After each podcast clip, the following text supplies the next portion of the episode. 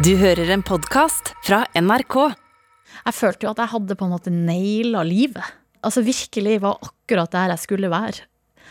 Så, sånn at det der å eh, oppdage og begynne å kjenne at eh, oi, det her pa passa ikke helt. Eh, og det satt langt inne å erkjenne for meg sjøl. Min NRK-programlederkollega Silje Nordnes er travel for tiden. Hun er kjent som en høyt elsket P3 Morgen-programleder. Hun leder seersuksessen Maskorama, og så hadde jeg så lyst til å ha henne på besøk i podkasten akkurat denne uka. Bare noen dager før hun skal lede NRKs første Pride-sending, som følger paraden i Oslo.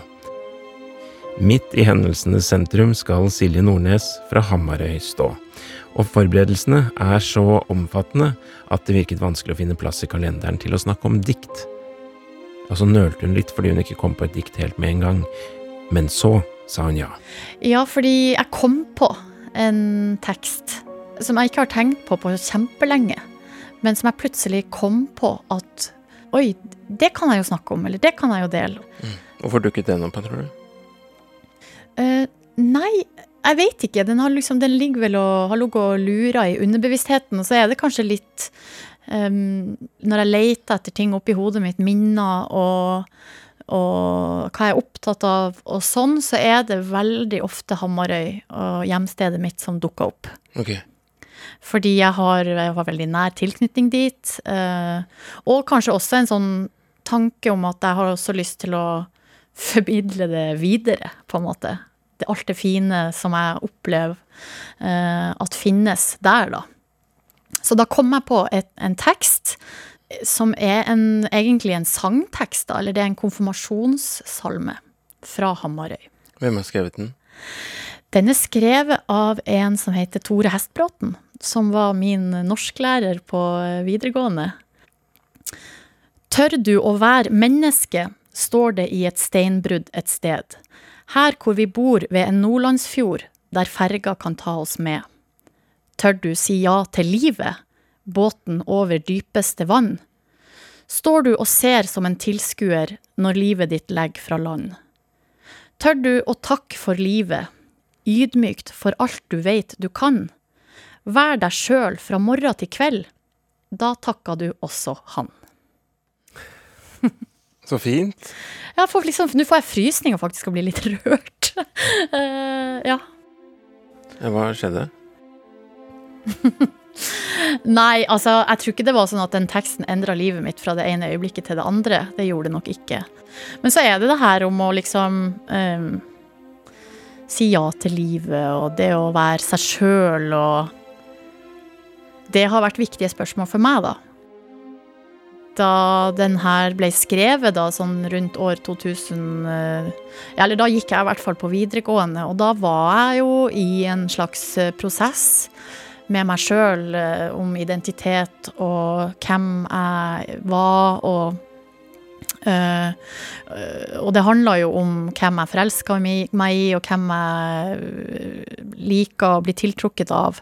eh, som jeg var helt klar over at var der, men jeg liksom fikk det liksom ikke helt til å passe eh, med den som jeg trodde jeg skulle være. Det passa i hvert fall ikke med hva omgivelsene trodde jeg var, på en måte. Eh, så det føltes som en sånn kjempestor Det føltes som en veldig, veldig stor greie, eh, som på det tidspunktet var liksom helt uangripelig for meg.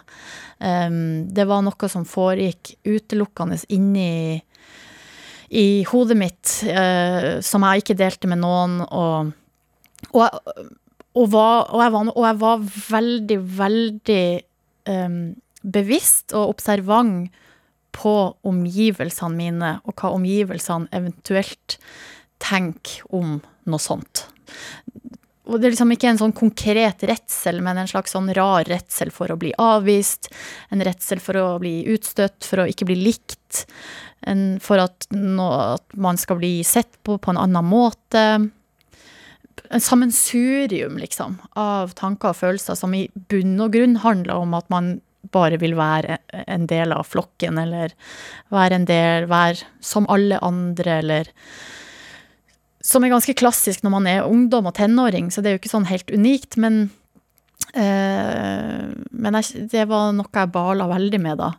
Og da, og da var liksom ørene så veldig på stelk, liksom. Eh, hva, hva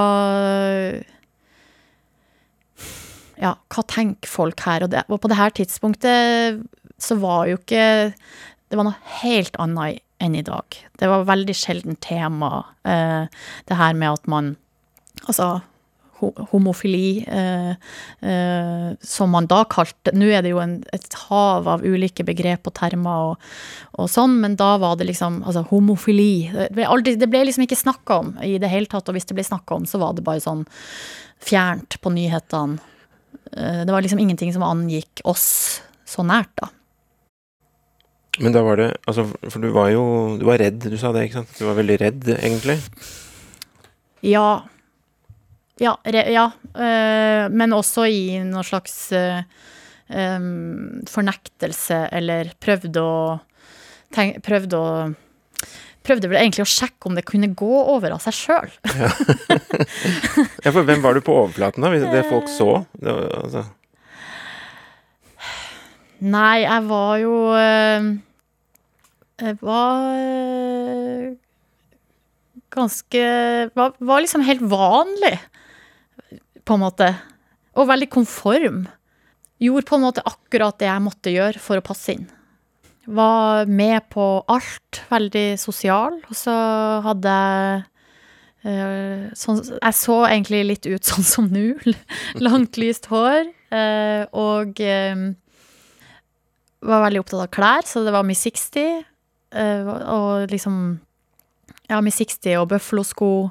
Uh, lave, lave bukser, korte topper. Litt sånn som er moderne, altså det som er trendy nå, var jo det vi gikk i da. Altså det er helt absurd å se uh, videregående uh, jenter nå, for de har de klærne som vi hadde. Og hårsveisene og alt. Så, og hadde, sånn, hadde en kjæreste der som kjørte moped. Ikke sant? Det var det store Yamaha DT. Um, og du satt bakpå, da, eller? Nei, det var jo ikke lov, men det kan hende vi gjorde det. Ja. og eh, venninna mi var jo da sammen med bestekompisen hans, ikke sant, som også kjørte moped. De var liksom litt eldre. Så, sånn at det der å eh, oppdage og begynne å kjenne at eh, oi, her, det, her, her pass, det her passer ikke helt. Det ja, det, og det satt langt inne å eh, erkjenne for meg sjøl at eh, jeg kanskje ikke Jeg var veldig glad i han med den mopeden, altså, men kanskje ikke så glad som jeg burde vært. ikke burde, da, men for at Ja, skjønner. uh, ja.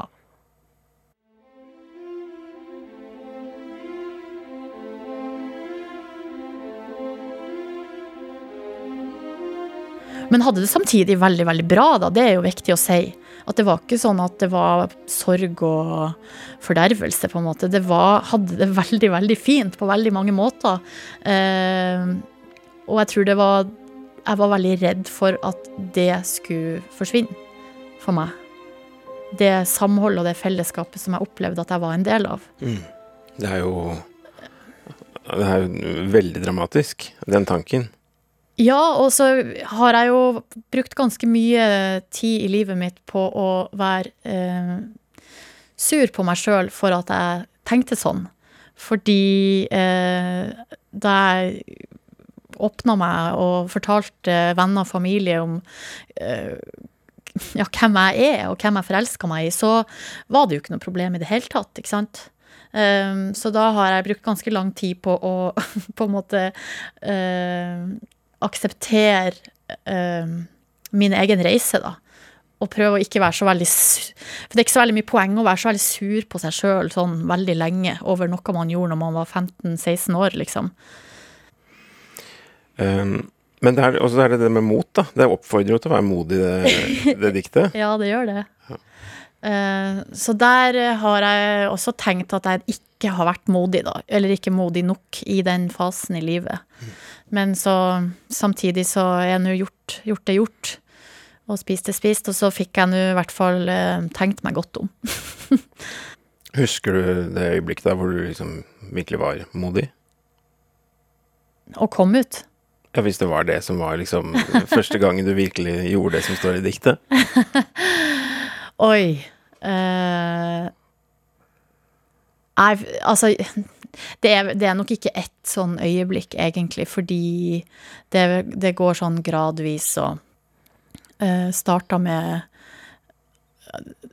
Ja, aller, aller første gang jeg sa det høyt til noen, så hadde jeg jo drukket meg kjempefull.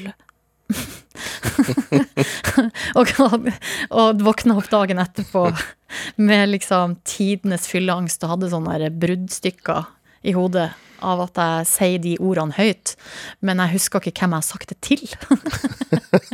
ja. men det er det som er gøy, for det er liksom dette diktet det er sånn, I en ideell verden så er det modig og alt det der. I virkeligheten så skjer det på en sånn litt mindre ja, glansfylt måte. Ja, det er virkelig ikke noe sånn der eh, stor filmscene. Eller det er ikke noe eh, Det er ikke noe som man stiller seg opp på på torget på en talerstol og ropa det ut. Nei, det er virkelig ikke sånn. Det går gra gradvis og sakte. Og, eh, og, det er også sånn, kjenner jeg i hvert fall, at eh, det er ikke et sånt øyeblikk der jeg tenker sånn Nå er jeg ferdig med det her, på en måte. Eh, det er det nok ikke. Fortsatt ikke. Det der å akseptere seg sjøl og hvem man er, det er liksom ikke gjort en, i en håndvending. Altså for meg er det å liksom uh, være meg sjøl og sånn Det har Det handla jo ikke om at jeg er redd for å bli slått ned, eller redd for at foreldrene mine skal kaste meg ut. Uh, altså for noen er det helt sånn reelle farer, da, også i Norge. Um, så for meg det, har det vel vært mer sånn der, jeg vet ikke, ikke Nesten sånn eksistensielt, på en måte. At det der med å liksom øh, Det der med å ikke akseptere på en måte en del av seg sjøl, eh, er ikke bra, liksom. For da Det er akkurat som man at man Jeg trodde jo lenge at jeg kunne liksom bare stenge av den delen. Og så skulle liksom alt annet bare være som før. Men det som skjer da, eller skjedde da, var jo at eh, Det var akkurat som at man kniper av liksom en kroppsdel, og så begynner det bare å visne Altså hele resten av kroppen bare dør samtidig etter hvert, fordi det går ikke an, liksom, å knipe av en del på den måten. Og det har jeg liksom måttet eh, på en eller annen måte tatt et oppgjør med meg sjøl, da, for å klare å liksom reise meg og stå opp uh, for den jeg er, liksom. Um, så hver gang hvis jeg blir får en sånn innskytelse om at jeg skal f.eks. la være å ta det opp, eller skal ikke si det, eller ikke gå hånd i hånd med en kjæreste, eller ikke snakke om det i et intervju, uh, så blir det sånn um, Da er det på en måte den gamle delen av meg sjøl, da. Det er som et spøkelse som jeg har jobba ganske hardt for å bli kvitt. Altså Dette diktet da, slo jo til og, og, betydde mye for deg. Og så sitter du her nå og er selv som forbilde for veldig mange, også når det gjelder det med å, å tørre å, å, stå for den man er, osv.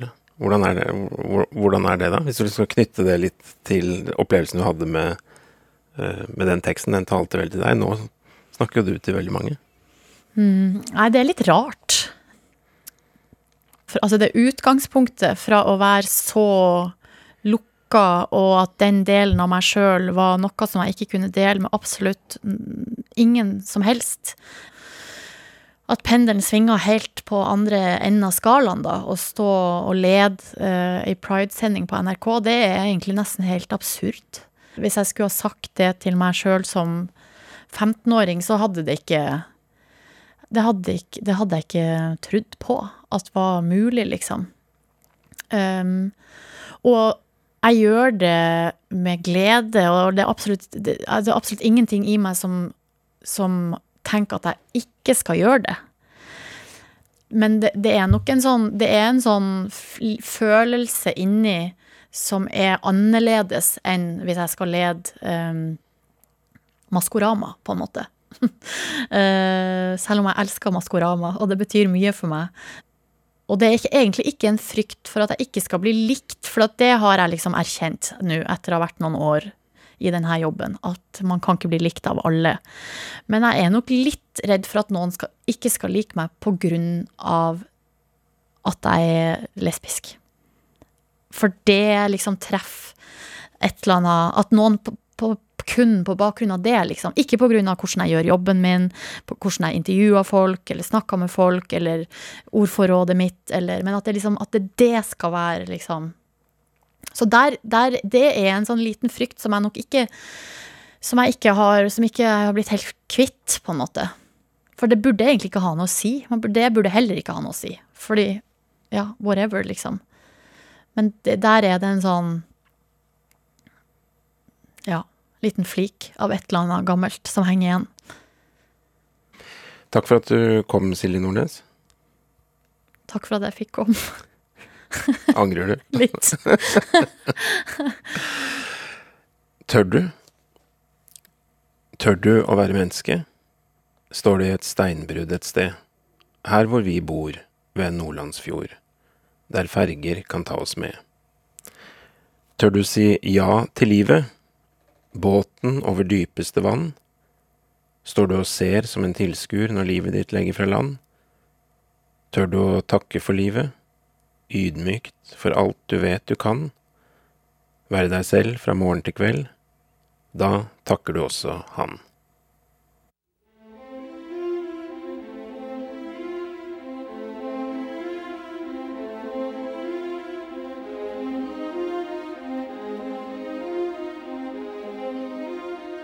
Denne podkasten er laget av meg, Hans Olav Brenner, Kristine Lossius Torin og Janne Kjellberg.